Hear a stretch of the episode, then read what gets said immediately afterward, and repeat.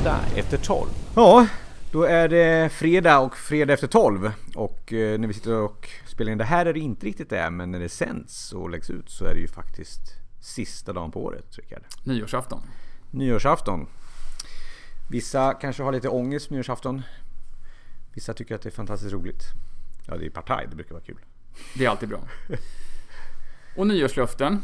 Ja, det Kanske? kanske är det som är, ja, det kanske är det som är ångesten med det. Men alltså, året är slut och... Mm. Hur ser du på nyår då? Gill- Gillar du att fira nyår eller? Det beror lite grann på vad man gör. Ja, Eh, nyår var nog, det var nog lite fränare när man var liten. Kanske. Mm. Lite mer fascinerad över, över eh, raketer och sådana där grejer. Och eh, det kändes så eh, fantastiskt att det var ett nytt år och man skulle bli ett år äldre snart och hela den där grejen som var så. då vill- då när ville var man liten. bli ett år Ja, då äldre. ville man bli. Nu, Ja. nu, nu, är ju, nu är det såklart bättre än alternativet att bli, alltså, man vill ju fortfarande bli äldre. Men eh, det är inte riktigt lika coolt att sätta en siffra till på, på åldern Nej. kanske. Det är det ju inte, men eh, ja, fyrverkeri är ju roligt. Förutom nu har jag hundar så de gillar ju inte fyrverkeri riktigt Nej. mycket. Så för, Nej. för, eh, men det är ju kul med fyrverkeri, speciellt att skjuta med barn och sådär. Men eh, ja, jag personligen tycker ju att nyår är en fantastisk tid. Eh, nu har vi precis haft jul och det är också självklart trevligt. Men jag gillar ju de här sakerna som handlar om att sluta med något och börja med något. Alltså saker och ting som eh, kan utvecklas. För att utveckla måste man sluta med något och börja med något. Så du är bra på nyårslöften? Eller? Eh, ja, jag brukar faktiskt inte avge nyårsluften men det blir en naturlig del eh, när man... Jag tycker det blir en naturlig summering. Av sig själv så sitter... I alla fall personligen då så blir det att man summerar året. Eh, och jag tycker det är lite fantastiskt när man gör det av massa olika skäl. Men ett utav dem är att ju äldre man blir så har man ju en tendens att få känslan av att det går mycket, mycket fortare. Hela tiden. Åren går fortare och vänta var det inte nyår alldeles nyligen och sådär. Eh, men det är som sagt, när man rekapitulerar lite grann så märker man att det är ganska mycket en upplevd faktor. Mm.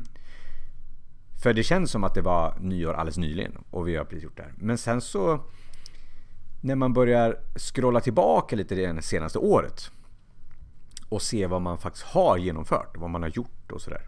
Eh, och där tycker jag en annan eh, sak vi brukar prata om kommer in är ganska intressant och det är sociala medier.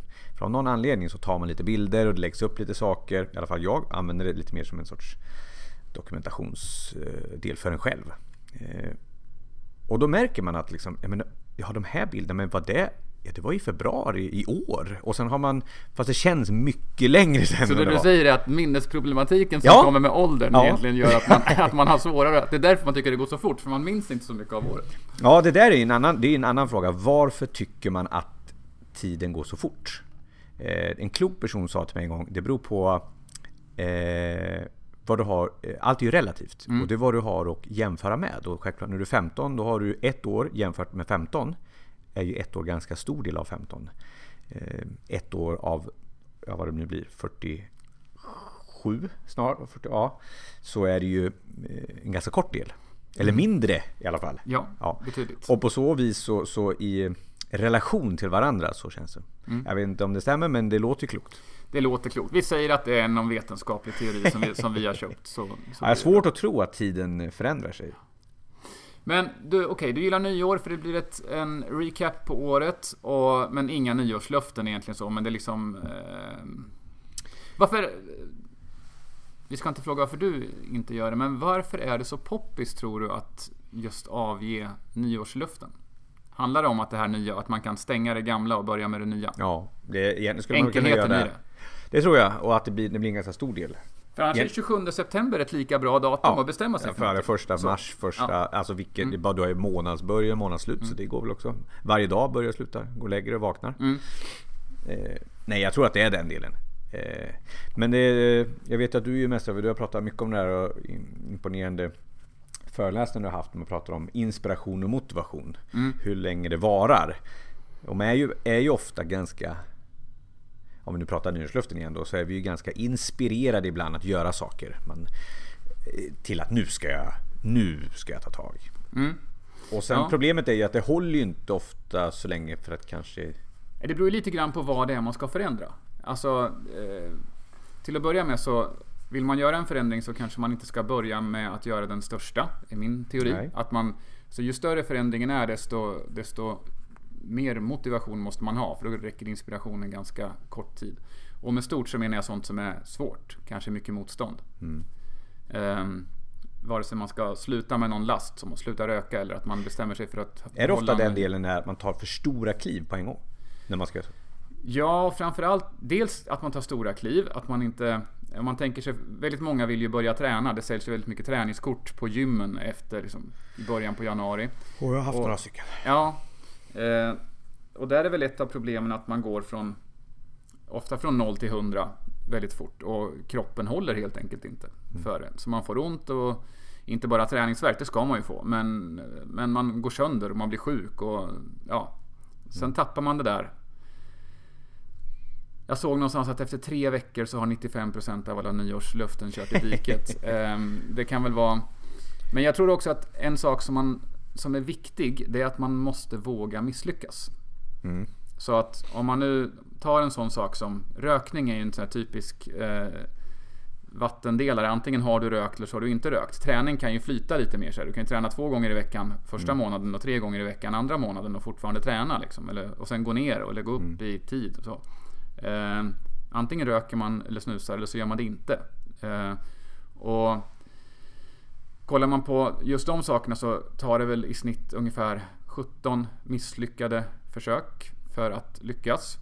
Eh, Så då kan man ju tänka sig att om man då tar sig ett litet återfall, det vill säga att man går på fest eller något slutet på januari och råkar röka så har man ju liksom inte pajat alltihopa. Utan det är Nej, ju bara, precis. det är bara sluta. Det, det som blir jobbigt är ju kanske att man har triggat igång de här receptorerna igen så att man blir Men det är väl lite grann samma med träning också. Lite grann. Jag tror att man, man så ofta man kommer man igång och så blir, som du sa blir man lite förkyld eller så Mm. ja, livet kommer lite i vägen och sen så tappar man ett par träningar och typ ja, ah, nu är det ingen idé, nu kan vi Mm. ge upp och så, och så, så skiter man i det bara för att man tror att man har spolat ner allting kanske. Ja, och en annan eh, liten utmaning med träning är att man får oftast väldigt bra utväxling första tiden. Eh, speciellt om man går på gymmet så tycker man att det är liksom... I alla fall träningsverk får man väldigt bra utväxling av. Ja, precis. Mus- musklerna växer eller fettet försvinner eller vad det nu är om man tycker att det är lite, det är lite häftigt. Sen efter en ganska kort stund av träning och då tänker jag kanske någon månad eller en och en halv så här så slutar, så blir inte resultatförbättringen så tydlig längre Nej. utan du hamnar ganska fort på en platå.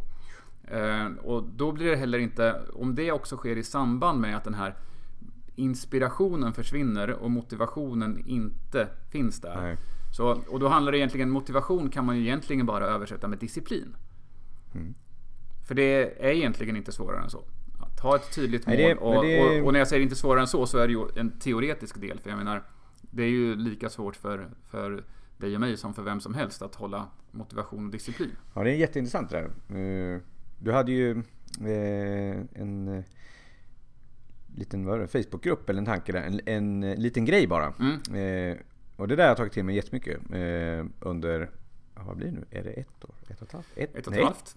Ja, Ett- du var ju försöks... Sommaren. Du var ju lite Ja, försökskanin ja. på att se hur mycket som kan hända om, man Eh, bara, om man bara tränar lite grann. Om man tränar bara lite grann. Eh, Men det är också det, att ta små steg hela tiden. Att börja väldigt lite. Att se till att man egentligen... Kort och brukar jag säga att det är att se till att man lyckas. För mig själv i alla fall. För det är när man kontinuerligt misslyckas och det känns för oöverstigligt.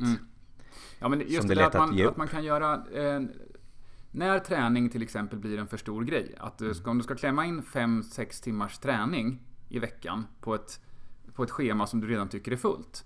Så blir ju det nästan till omöjligt. Ja. Eh, kan man uppleva. Och det går en stund och sen så... Ja men det blir ju massor med saker. Det, jobbet kommer emellan, ungarna börjar med någon ny aktivitet, det ska skjutsas och sånt där. Det finns ju massor med saker som stör i det här tänkta träningsschemat. Mm. Men eh, att, att skaffa sig nya rutiner. Att man Ja, har en rutin att antingen gå upp på morgonen, eh, gå upp 30 minuter tidigare och gå en rask promenad in som start på dagen. Eller om man åker buss till jobbet så kan man ju hoppa av ett par hållplatser tidigare. Eh, gå sista biten. Man kan eh, om man ska till affären och kompletteringshandla kan man passa på att gå dit istället för att ta bilen dit. Så det är jättesvårt att kanske ta den här veckohandlingen gåendes. Jag tror att eh, det, det är ju det, är ju det som är det svåra. Det är att liksom sätta mål, uppnå mål. Jag tror att om det är någon gång per år som vi alla börjar brukar sätta mål så är det just det. Jag tror mm. därför jag i början då att för vissa är det jättespännande att sätta nya mål och för mm. många är det den här klassiskt ångest nästan. Mm. Därför att man tänker också, just det, förra året så skulle jag göra allt det här. Och så blev ingenting av och så vidare. Men jag tror också att det blir för att man, nackdelen med att sätta nyårslöften då, där man sätter ett sånt datum, det, det är att man laddar väldigt länge för det. Mm. Man bygger upp det till en väldigt stor grej inombords. Eh, om man bara bestämmer sig för att idag är det söndag och imorgon är det måndag så imorgon börjar jag med en ny rutin. Så Nej. Ja, det, det, blir inte en så stor grej, men har, gått, har, man gått och laddat i en månad för att man ska börja träna eller sluta röka eller vad det nu är för livsstilsförändring man ska göra. Så då blir det lite grann som att man, man räknar ner till det här och det blir liksom, det blir mm. hemskt och det blir lite jobbigt. Det blir som att rycka in i lumpen. Typ. Du, du frågade i början där om, om eh, jag brukar göra nyårsluften. Och det gör jag faktiskt inte. Av just den anledningen att jag tycker att det är inte därför jag tycker att det är spännande när det är någon sorts naturligt övergång från ett år till ett annat det blir en start och slut. Eh, inte just för att jag måste ge ett lufte på något sätt. Eh, utan för mig är det mer den här delen att det är en naturlig punkt att rekapitulera en lite större segment. Man kan väl göra det mm. hur som helst, man kan göra det varje dag om man går och lägger sig. Man brukar, många brukar prata om att man ska varje kväll skriva ner saker och ting som har varit bra idag. Och, och så, det, är, mm. det är en, självklart också en jättebra grej. Men det är lite intressant över att titta lite, för mig tycker jag att titta lite över tid. För man sätter i alla, eller man ska man säga, jag sätter ganska mycket mål eh, av alla möjliga slag.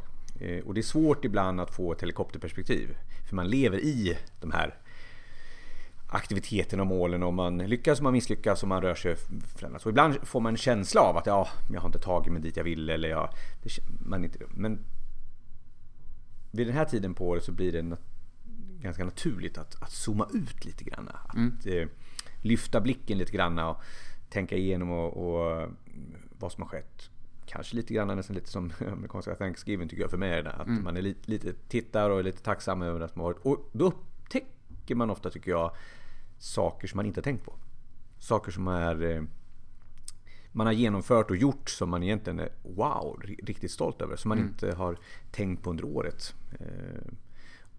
Och det tycker jag är intressant för att ha med sig in till nästa. För det, oavsett för att sätta nya mål eller inte så har man kanske alltid saker man vill göra. Men för mig är det att bygga självförtroende och självkänsla är just den här delen. Att, att sikta på någonting och, och sen ta mig åt det hållet. Det är inte så alltid man når ända fram. Men att man känner att man har gjort någonting bra på vägen. Mm. Man har utvecklats i alla fall. Eh, ge mig styrka för att sätta nya mål. Mm. För att sätta mål och hela tiden sikta mot stjärnorna och bara något, alltså det blir liksom dödfött på något sätt. Men är inte just det lite grann också en, en, sak som blir ett dilemma att man siktar mot stjärnorna? Att målet blir så himla stort att man... Eh, och det, det, kan ju bero på om man är van att sätta mål eller inte och sen också hur rädd man är för att misslyckas. Mm. Eh, för att till att börja med så tror jag att det blir så här. Att en av anledningarna till att man inte vågar sätta några mål är att rädslan för att misslyckas är större än viljan att lyckas. Mm. Eh, och då tror jag inte att man är så rädd för att misslyckas inför sig själv, utan snarare inför sin omgivning. Så lite kan det bero på om det är saker och ting som, är, som blir väldigt tydligt offentligt och officiellt i målet eller inte. Mm.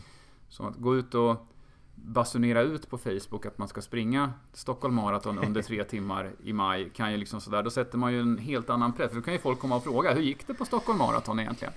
Ja. Eh, ja men det är lite, jag skulle säga att det är annars ganska bra att eh, meddela omvärlden Ja det är bra för vad man har för, Ja, just disciplinen. Men då måste man, anledningen till att man inte gör det är att man inte vill misslyckas. Nej. Man vill inte offentligt känna att man har Fast det är som vi brukar ha sagt en massa andra gånger. Vi misslyckas ju oftare än vi lyckas. Så ja. det hör ju till liksom en Men där bidrar väl också de sociala medierna till att vi ser ju väldigt sällan den misslyckade delen. Det är väldigt få som går ut och skriver att jag... Det har inte varit många misslyckade bilder vid julgranen här och sagt att eh, den här julen var inget bra. Nej, ja, jag har sett en i och för sig. Uh, han la väl inte ut en julgran ens utan mer någon form av blomväxt. Planta? Ja. Från men... övre Lillån eller? Ja, precis. Ja, du vet vem du är? Ja. Mycket roligt. Men ja. eh, som en skön kontrast kanske till alla perfekta julgranar. det, det vore ju ganska skönt om någon la en bild istället på en, på en så här, den här granen blev kast. Mm. Den blev kastdekorerad. Ja, men jag, tror, jag tror att det kommer komma lite mer. Jag tror att det hänger mycket på sådana andra influencers och andra. Så att, att börja bygga upp de bitarna. Men jag tror att det kommer. Mm. Men eh, ja, sätta, har du satt någon nyårslöfte då? Eller kommer du Nej, sätta? jag har inte Ingen, ens tänkt på det faktiskt. Nej. Det är en... Nej. Ingen nyårslöfte? Nej, jag har, inga, jag har inte något stort som jag känner att jag vill förändra, eller inte något litet heller. Och, och det lilla jag, de små sakerna, de eh, kan jag ta när som helst, tror Mm. jag. Så, så att eh, jag har inte, faktiskt inte ens funderat på det. Nej, inte jag heller. Som sagt, Jag sätter ju sällan nyårslöften. Nu är det mycket som händer. Jag ser fram emot 2022. Så Mm. att det kommer bli ett eh, spännande år. Både, ja, massa olika saker. Det, det ligger ett par roliga skidlopp i potten. Ja, just det. Ja, det ligger ett eh, i Italien, Marcialonga. inom- Har du satt några mål för Marcialonga? Eh, ja, komma i mål. Kommer man, ja, det blir tydligt. Ja, Ja, det, blir, komma i det, det mål av eller på är- liksom. ja. Det finns ingen gråskala Jag där. har alldeles för mycket underbara vänner som har jättehöga mål, eller Mm. mycket högre mål än vad jag har. Så att mitt mål är att gå i mål. Mm. Eh, och sen så har vi ju 100-årsjubileumet av Vasaloppet. Som vi ska köra. Så det ser jag fram emot jättemycket faktiskt. Blir det vanliga? Eller? Vanliga Vasalopp. Mm? Inte Nattvasan? Nej, Nej. det var ju förra, eller i Mm. år. Eh, så nu blir det vanliga Vasaloppet. Så det ser jag fram emot. Mm. Men det är inte sån här typiskt bra horisont att ha för att eh, jobba med disciplin och eh, när det gäller träning. Mm. Man just har, nu minns inte jag när Marcialonga går, det går, Slutet av januari. ja okej. Då är du sent ut att börja nu. Men, det, men det, jag vet att du har tränat innan. Men Nej, då har vi, jag vilar min form här. du vilar i form. Ja. Ja. Och sen så tränar jag väldigt mentalt när jag ser att mina vänner tränar väldigt hårt. Mm. Så, så tänker jag att är jag med dem mentalt? Jag tror väldigt mycket på mental träning. så, men nej, det ska läggas lite eh, mil i benen. Eh, Definitivt. Mm. Eh, Men just Vasaloppet som ju ändå går eh, första helgen i mars, är det va? Ja, nej. Mm. Eh, om man ser då om man, när skidsäsongen startar så är det en ganska lagom horisont för att kunna hålla, hålla uppe träningen. Mm. Kan vara tuffare i april när man ska ut första gången på rullskidor och känna att det är 11 månader kvar. Mm. Då får man sätta Klarälvsloppet där i september, eh, 9 mil på Mm. rullskidor istället Mm. som mål. Ja, Men eh, eh, ja, nej men det, ja, det Återigen självklart, vill man göra de där loppen och köra någon tid då måste man ju antagligen ligga eh, lite längre fram i träningen än vad jag gör. Eh, ja man kanske bör ha kört det någon gång också så man har en aning om vad som Ja, är rimlig tid. Det är ju det är rätt svårt att, eh, när man inte känner terrängen och vet hur, hur det funkar. För mig är det upplevelsen och eh, goda vänner som Mm. är det roliga med de där Mm. bitarna faktiskt. Eh, och självklart att man klarar, det är ändå en ganska lång distans. Så det Mm. är riktigt kul på så sätt. Det och sen så är det ju också nytt eh, att jag eh, eh, tar tag i en helt ny verksamhet. i- Mm. Eller den har hållit på med ett tag, men, men som blir fokus faktiskt. Precis. Med, eh, Hur känns det då? Ja, det är jättespännande. Så det är också en, en del. Också när man är glad över eh, att kanske, kanske, kanske, kanske pandemin håller på att släppa så att vi har en massa mässor bokat och så som ska vara. Så det ser man ju också framåt. Så det är riktigt. Man har ju varit lite nästan inkapslad i det här vi har pratat om väldigt mycket under, under ett och ett halvt år.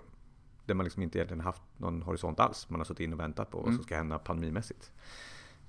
Så på något sätt har man väl ändå börjat lyfta blicken och börjat liksom tänka att det ska hända saker och bli bättre. Och... Så det får vi väl hoppas på. Ja, det vore skönt. Det vore skönt. Eh, Så det, nej, det är riktigt spännande. Så eh, vi... eh, Ja. Det var Peppar ingen sån här, jag, jag hörde ett uttryck eh, igår som jag, som jag inte har hört förut och det innebär väl att jag inte har lyssnat så bra bara. Men det var eh, FONO. Har du någon FONO? Phono? Fear of the normal. Fear, jaha, fear of the normal. Alltså gå tillbaka till... Återgången till det Å- normala. Ja. Ja. Men det har vi också pratat om många gånger. Men det är, vi pratade om sist om det och det läste, läste jag en artikel nu som kom ut. Den var liksom från USA men det har ju blivit en otrolig eh, eh, förändring i just eh, hur de som söker jobb tittar på vad man, kan, vad man erbjuds. Mm. Liksom, erbjuds man distansjobb och, nu är ju till exempel möjligheten till distans och lite ha kvar det som har varit kommer ju vara en, ett, ett värde som består. Så det har ju varit något positivt. ja, det blir väl som vi brukar säga ett nytt normalt snarare än återgången till det. Ja. Fast ändå är man lite förvånad över hur fort saker och ting går tillbaka till normalt. Mm. Från att det är jätteviktigt att tvätta händerna och man gör till och med YouTube-filmer på så här tvättar vi händerna. Mm. Till att ingen tvättar händerna. Typ. Nej, nu överdriver jag lite men det finns inte ens handsprit ute på ställen man är. Och Mm. Nej, från att man håller jättelångt avstånd till man står och nyser öppet utan att hålla för munnen. Liksom. ja, det kan jag, jag kan nog fortfarande ha en känsla av att det inte känns helt okej. Eh, Det, nej det gör det definitivt inte men om man går ut och tittar hur, hur det Mm. ser ut så känns det som att man glömmer, eller det glöms väldigt fort. Mm. Och då känns det som att det går tillbaka väldigt snabbt till det normala. Mm. Ja, det, blir, li- det börjar ju bli ganska mycket motreaktioner mot, mot både pandemin och införandet av restriktioner och sånt där. Där man tycker att det är en, eh, Det blir mer och mer debattartiklar som kanske inte säger att det inte finns en pandemi. För det, det, men snarare att man kanske tycker att det blir lite hysteriskt med restriktionerna. Så det, ja, det är spännande 2022 i alla fall ur det perspektivet att se om det... Jag vill ju gärna tro att det... När det planar ut nu att det inte kommer tillbaka med en sån... Eh, ja, som det var nu, fjärde våg. En, att det inte kommer en femte på samma sätt. Nej. Eller jag tror jag tror personligen tror att det kommer komma tillbaka var, precis som influ- Jag tror att det kommer bli en del av vår vanliga influensaflora. Mm, men då kommer det inte, in- inte tillbaka som en femte pandemivåg Nej, inte fall. pandemi på det Nej. sättet. Att, och speciellt inte kanske med ond bråd död. Mm. Eh, utan det blir, man ligger hemma och är förkyld och sjuk och som. Det vore ett bra scenario. Det vore bra. Ja. Det ser ju lite ut som det Mm. nu men, men vi får väl hoppas, hoppas, hoppas. Men eh, för att återgå till det som vi börjar snöra in på pandemin här nu så var det ju eh, ny form av företagande för dig. Så här. Eller lite, du har ju hållit på en stund lite vid sidan av. Men hur känns det liksom apropå att sätta mål och såna här grejer. Det är ju och konsekvenser och risker att misslyckas och sånt där. Vad blir dina tankar runt det? Ja, vi har ju ja, ja precis. Det här är ju lite av en entreprenörspodd. har vi nästan glömt bort under den här pandemin när vi har sågat ner. Eh, Ja, det är ju jätteroligt. Det, är ju som, det känns så lite som en ny... Alltså som en... eh, Jag känner mig lite som en nyföretagare igen. Mm. Nu har jag drivit företag i. Jag vet inte hur många år det är. Många år är det. Över 15 i alla fall. Men, eh, och... eh, Just den här eh, delen med eh, att starta upp och... eh, Nu är man väl lite... Jag vet inte, man är inte lika benägen att bara hoppa från, från klippkanten som man var förr kanske. Eh, Jag vet inte om det är av erfarenhet eller bara av klok, klokhet eller att man är bara feg. Men eh, eh, Så det har ju faktiskt, jag har ju hållit på med den här verksamheten i vid sidan av i ett och ett halvt år och det är väl ganska nytt. Normalt sett borde, hade jag nog bara på en servetts idé eh, kastat in allt jag haft och satsat och sagt bara all in. Eh, och nu har jag ju inte gjort det utan liksom byggt långsamt och känt att det finns en marknad och hitta mig själv och hitta företaget och hitta en mängd olika saker och, och nycklar som jag tror gör och, och bestämt nu att nu kör vi all in. Mm. Kan man säga. Så att det är ju jättespännande och känns som en helt ny säga, utmaning. Men fortfarande så är det ju så att det finns inga säkra kort. Så det är fortfarande en risk. Men sen, Jag skulle säga att den här gången en eh, mindre, mindre risk än vad det har varit tidigare gånger man har, har chansat. Jag har väl inte slängt in alla släppt alla ankare och slä- slängt in allt man har. Mm.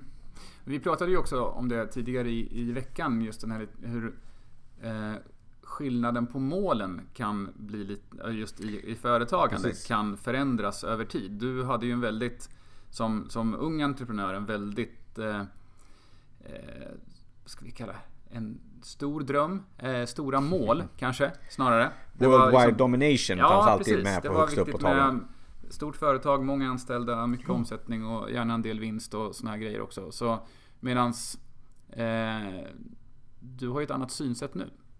Ja, men det. Vad beror det på Johan? Är det, är det åldern? Är det liksom, vad, vad, Man har... har eh, nej, ja, jag tror att det är den delen faktiskt. Det är... skulle vilja säga sin egen mortalitet. Ålder kanske. Men eh, nej, jag tror att det är vad som är, är viktigt för en själv bara. Mm. Eh, Jag jag skulle citera det du har sagt igen. Att mm, pengar är inte ett mål, pengar är ett resultat av något annat. Och sen är det, det är klart att det vore ju jättetrevligt att, att kunna, återigen kunna bygga någonting som genererar massor med pengar. Det finns ju, men det finns ju alltid saker man kan köpa för, för pengar. Det är ju inte så att det, det, det finns hål att stoppa pengar i. Det är ju jätteroligt. Men på något sätt är det... Jag vet också, det är kanske är den delen. Du vet vad det kostar? Ja, det finns, jag vet att det är många som tror att ja, men det är bara att starta en litet, eh, någon liten grej och så en liten Minecraft och så kan man sälja den efter några år för 18 mm. miljarder. Liksom. Det är klart att några lyckas ju så. Men, men i de flesta, flesta, flesta alla företag som lyckas så mm. bakom där någonstans så ligger det enormt slit. Mm. Och det är också en enorm uppoffring. Mm. Och den resan har jag själv gjort. Och det, det kostar. Mm. Det kostar pengar, det kostar eh, ambition, det kostar engagemang, tid, mm. familj. Om man tar den delen. Och det är frågan om man tycker att det är värt det. Eh, och inte ens med den... Det finns ju inga hängslen och inga bälten på att man lyckas liksom, mm. Jag vill ju tro, eh, för jag tycker det vore coolt, om eh, företagande blev lite mer av en... Lifestyle? Ja, eh, inte lifestyle så som att man lever sitt jobb hela tiden utan mer så här, mm. du, du, har det, du har ditt företag men man jobbar ungefär som att bara gå till jobbet och man, man tjänar sitt uppehälle, får lite mm. över, lite reserver och sånt där. Men att det inte är att det inte alltid bör vara den här grandiosa affärsplanen som ska leda till eh, att det ska bli så stort. Utan att man har ett företag som, som tuffar och går och eh, som har sin kundkrets och målgrupp och som funkar och som fyller någon typ av vettigt syfte. Eh, det, det, är ju väldigt mycket, bra. tittar man på väldigt många små, små företag så är ju väldigt många små företag eh, drivs ju precis så. Mm. Fast tyvärr kanske de får inte riktigt den uppmärksamheten och eh, som de kanske förtjänar alltid. Utan man pratar om de här stora stjärnskotten mm. och unicorns och allt vad det är, liksom miljarddelarna. Men likväl är ju många av de andra som har kanske bara ingen anställd, en eller två eller tre anställda, är otroligt viktiga. Mm. Det är faktiskt de som driver hela vår, mm. vår välfärd till stort. Det är där de flesta skattekronorna kommer in. Mm. Eh.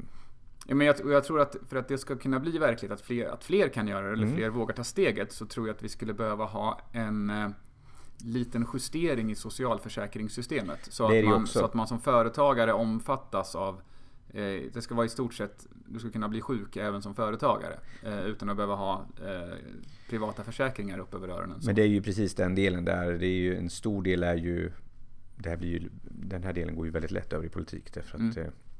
det är inte gynnsamt att vara företagare. Mm. Alltså det Nej, men, och vi kan egentligen släppa den politiska delen ur partipolitik för att det har inte spelat någon roll vem som har styrt Sverige. Det har inte varit Nej. så eh, någon gång. Så, så den är nog mer en märklig allmängiltig uppfattning om att om man ändå är företagare så, så behöver man inte samma skydd som en anställd. Nej, Nej och, det, och, och att det är ganska svårt att leva på, på, på sitt företag överhuvudtaget. Mm. Det krävs ganska mycket. Jag menar, även om du du tillverkar saker eller gör någonting eh, och du säljer saker till andra eh, företag eller personer och drar in pengar så krävs det ganska mycket för att kunna både ett, leva, ta ut lön med de, allt av de mm. skattegrejer och sen också kunna göra avsättningar för de saker som du behöver för att mm. kunna ha i socialförsäkringssystemet. Och där är det lite för hög tröskel och ännu värre är ju nästa steg för att kanske, även om det inte blir stort företag, men bara genom att som du sa, man kanske inte ska jobba ihjäl sig så behöver du kanske ha en till med i företaget. Mm. Så anställa någon. Mm. Vilket eh, det skapar ett värde för det blir en anställd. Eh, och du själv slipper knäcka ut det. Mm. Men den tröskeln till en person är ju väldigt stor att kliva upp. Ja, det blir väldigt mycket pengar. Ja, med tanke på. Och det är ju inte ofta mycket pengar till som måste en intäkt utan men det är just vad som blir kvar på den mm. delen. Och det är där en, eh, en Riktigt intressant fråga faktiskt. Mm.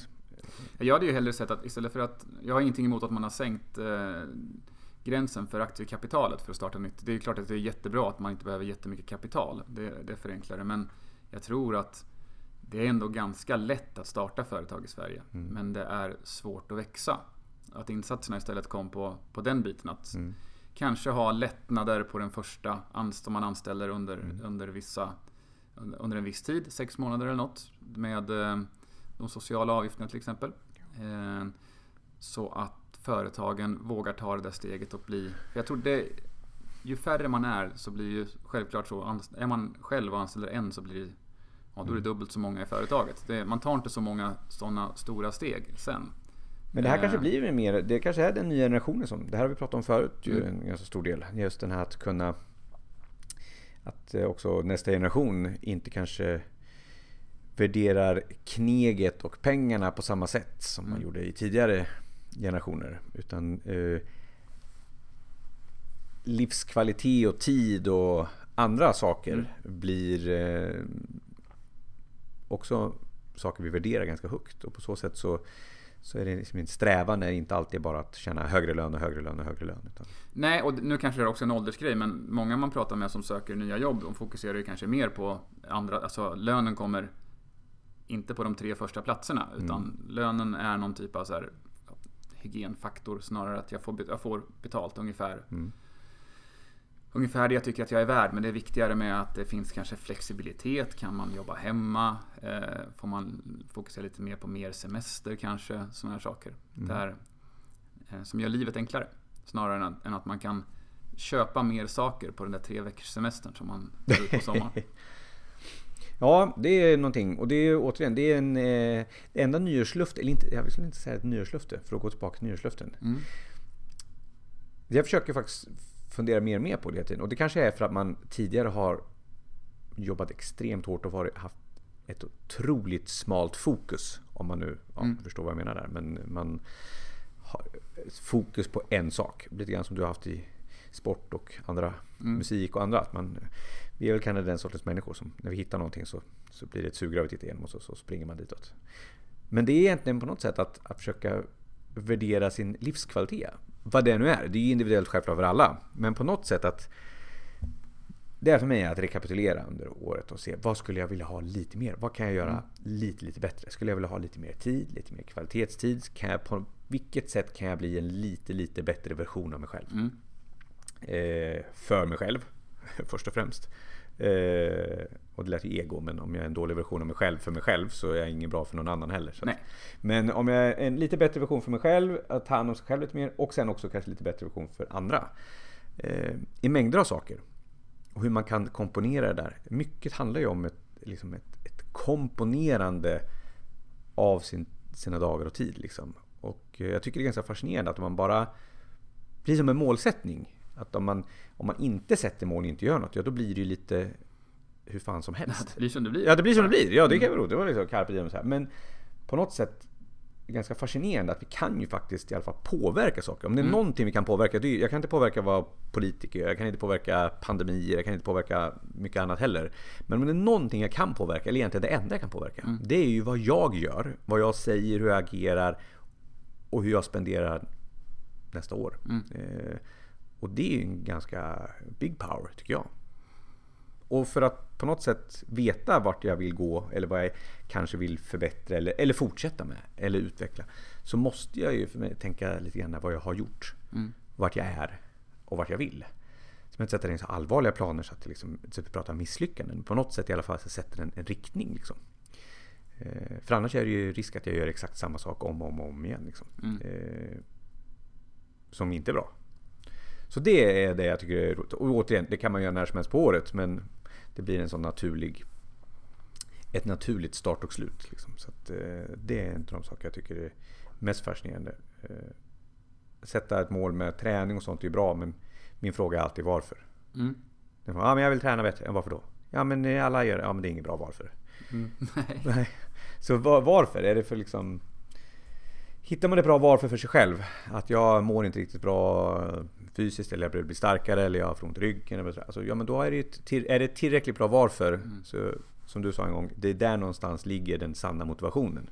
Den riktiga motivationen. Ja, och det är också då det går att skapa disciplin. För att det kommer Ja. alltid vara det kommer alltid vara tungt. Ja. Nästan vad man än bestämmer sig för att göra som inte är en jätteenkel förändring kommer ju att ta emot eh, från tid till annan. Och eh, då tror jag att tydlig, tydligheten i varför är eh, den är bra. Skapa motivation. Och eh, just när det gäller träning så är det ju ofta någon form av resultat. Är ju, är ju enkelt för det är mätbart. Mm. Det, det är också en sån sak som är mål. Att det, mål som är så mycket som möjligt eller så långt som möjligt. Det är ju det är inte ett så tydligt mål. Nej, det blir ju inte. Man måste ju ha någonting men, men, och, och, och på något sätt känna att man har så man kan mäta det på något. Det måste ju bli kvantifier, kvantifierbart. Liksom. Men eh, det är inte samma sak när, om man pratar livskvalitet som du var inne på. Då får man ju med deras skattningar och då är det ju väldigt bra att göra de här Ja, det är ju mycket en känsla. Ja. Eh, Men jag tror det, det, finns alltid där. Jag tror att eh, kan man göra lite mera luften, eller nyårsluften som handlar mer om mjuka värden än om faktiska springa, gå ner i vikt eller vilket egentligen spelar inte så stor roll om du väger 5 kilo upp eller ner. Eh, och jag tror att eh, har, har man de mjuka värdena istället liksom, så finns det alltid saker att, att förbättra och utveckla. Utveckla relationer med andra eller något, så, så tror jag att det blir en... Jag tror man får mer värde utav det. Eh, mer kvalitet ut i slutändan. Ja, jag gillar det där som du, alltså, som du snackade om att göra små förändringar. För att man kan ta... Man har ju hyfsat bra koll på vad är de sämsta sakerna som jag gör. Eh, och om man plockar bort en av dem och ersätter den med någon annan vana eller ovana så, så, så har man ju gjort ett steg. Eh, istället för att försöka bli den perfekta bilden av, eller varianten av sig själv på en gång. För den är eh, alldeles för stor risk att man misslyckas med. Ja, och jag tror inte det går inte. Och, och den stora... Eh, det var en sån... Nu ska, kan jag inte nämna det namnet, men, men ja, det är en... Jag läser på flera ställen och är en, person på en social kanal som har skrivit ganska mycket om... Eh, som har förlorat en väldigt eh, en närstående. Eh, och pratar om vad lycka är. Eh, och att lycka är inte någonting man bara har eller får eller har tur med. Utan det är, det är en förmåga. Och jag- tyckte det var i alla fall det, det han sa var så intressant att eh, förmågan att ha lycka är att verkligen se där du har och inte där du inte har. Och det där slår mig hela tiden när man blickar bakåt. Ba- Även när man blickar bakåt, ofta i sitt eget år, så funderar man på ibland på saker som man inte har lyckats Ja, det skulle jag göra och det lyckades jag inte med. Och det, och så skulle jag göra det och det gick inte. Eh, Och sen när man tittar runt omkring sig och alla andra har så, ja, de har hus i fjällen och de är på Gran Canaria och de... Så man tittar på till 98% på allting som man inte har. Som alla andra har, vilket jag inte har.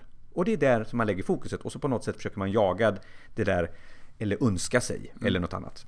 Eh, vilket självklart per definition skapar en sorts olycka. Därför att du är ju inte där du... Istället för att titta på det man har. Och så fokuserar man inte eh, på det man, det man har istället. Och när man börjar definiera på vad man har så inser man att det är otroligt mycket. Ja, men och det där har, har väl provats ganska många gånger just att fokusera på om jag bara fick det här. Om jag bara hade en miljon på kontot eller hade, om vi bara hade det här lite större huset eller den där lite nyare bilen. Då skulle jag bli lycklig. Och sen när man når det så inser man att jag blev inte lycklig. Eh, så ehm, det är alltid bra att sträva men man får ha lite lagom förväntan på vad målen ska ge för känsla. Ja, och det är lite, det, är, det finns mycket med carpe diem eller hela den biten. Och jag tror att eh, kan vi vara lite mer uppmärksamma på vad vi faktiskt har uppnått och utgå därifrån kanske och se vad man vill utveckla och göra lite eh, för förbättringar och sen sammanfatta det sen. Så tror jag att man har mycket Så det kan man göra. Så om man nu skulle lyssna på det här på just nyårsafton efter klockan 12 på dagen. Då har man ju liksom, då har man några timmar på sig nu och fundera har du på... radat upp, ja. eh, Kan ni vad det rekapitulera? här året och, och sen så kan man ju passa på att kasta in ett eh, lite mindre nyårslöfte nu då, så, så det inte blir så stort. För nu är det bara några timmar kvar. Precis. Så ja, vi kan väl nästan bara mm, hitta och runda av där tror jag. Faktiskt. Jag tror det. Jag tror att det, jag, annars så gräver vi ner oss alldeles för djupt i det här. Så ja, vi eh, kommer ju runda av. Nu är det ju nyårsafton när det här släpps. Så att nu har ni några timmar. Eh, Fundera på vad ni har haft för fantastiska upplevelser under året. Eh, och om- det är någonting man vill utveckla och göra ännu bättre. Gå gärna in på Fredag efter 12 på eh, Facebook eller någon annanstans och eh, skriv en kommentar. Annars så... Nu, jag vet, jag har... Jo, nyårslöfte.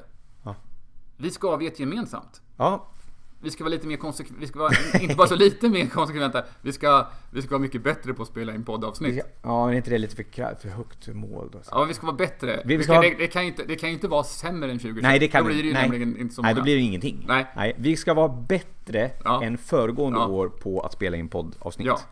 Eh, Rosén, så när du lyssnar på det här så kan du vara lugn. Det kommer bli bättre. Ja. Sen har vi också sista minuten här. Vi måste ju eh, tacka My Office i Örebro. Idag så hade vi eh, lite problem med någon bra lokal att sitta i. Och då fick vi låna en lokal på MyOffice i Örebro. som snällt. har fantastiskt mycket bra konferensutrymmen och eh, eh, kontorslokaler att hyra ut. Så eh, vänd er hit när ni behöver något. Ja, då är det väl bara att önska gott nytt år. Och en trevlig fredag. Så Och ses en vi på- Bra avslutning på året. Ses vi 2022. Yes, Det är gott. Ha det bra. Bra. Hej! Hej! Fredag efter 12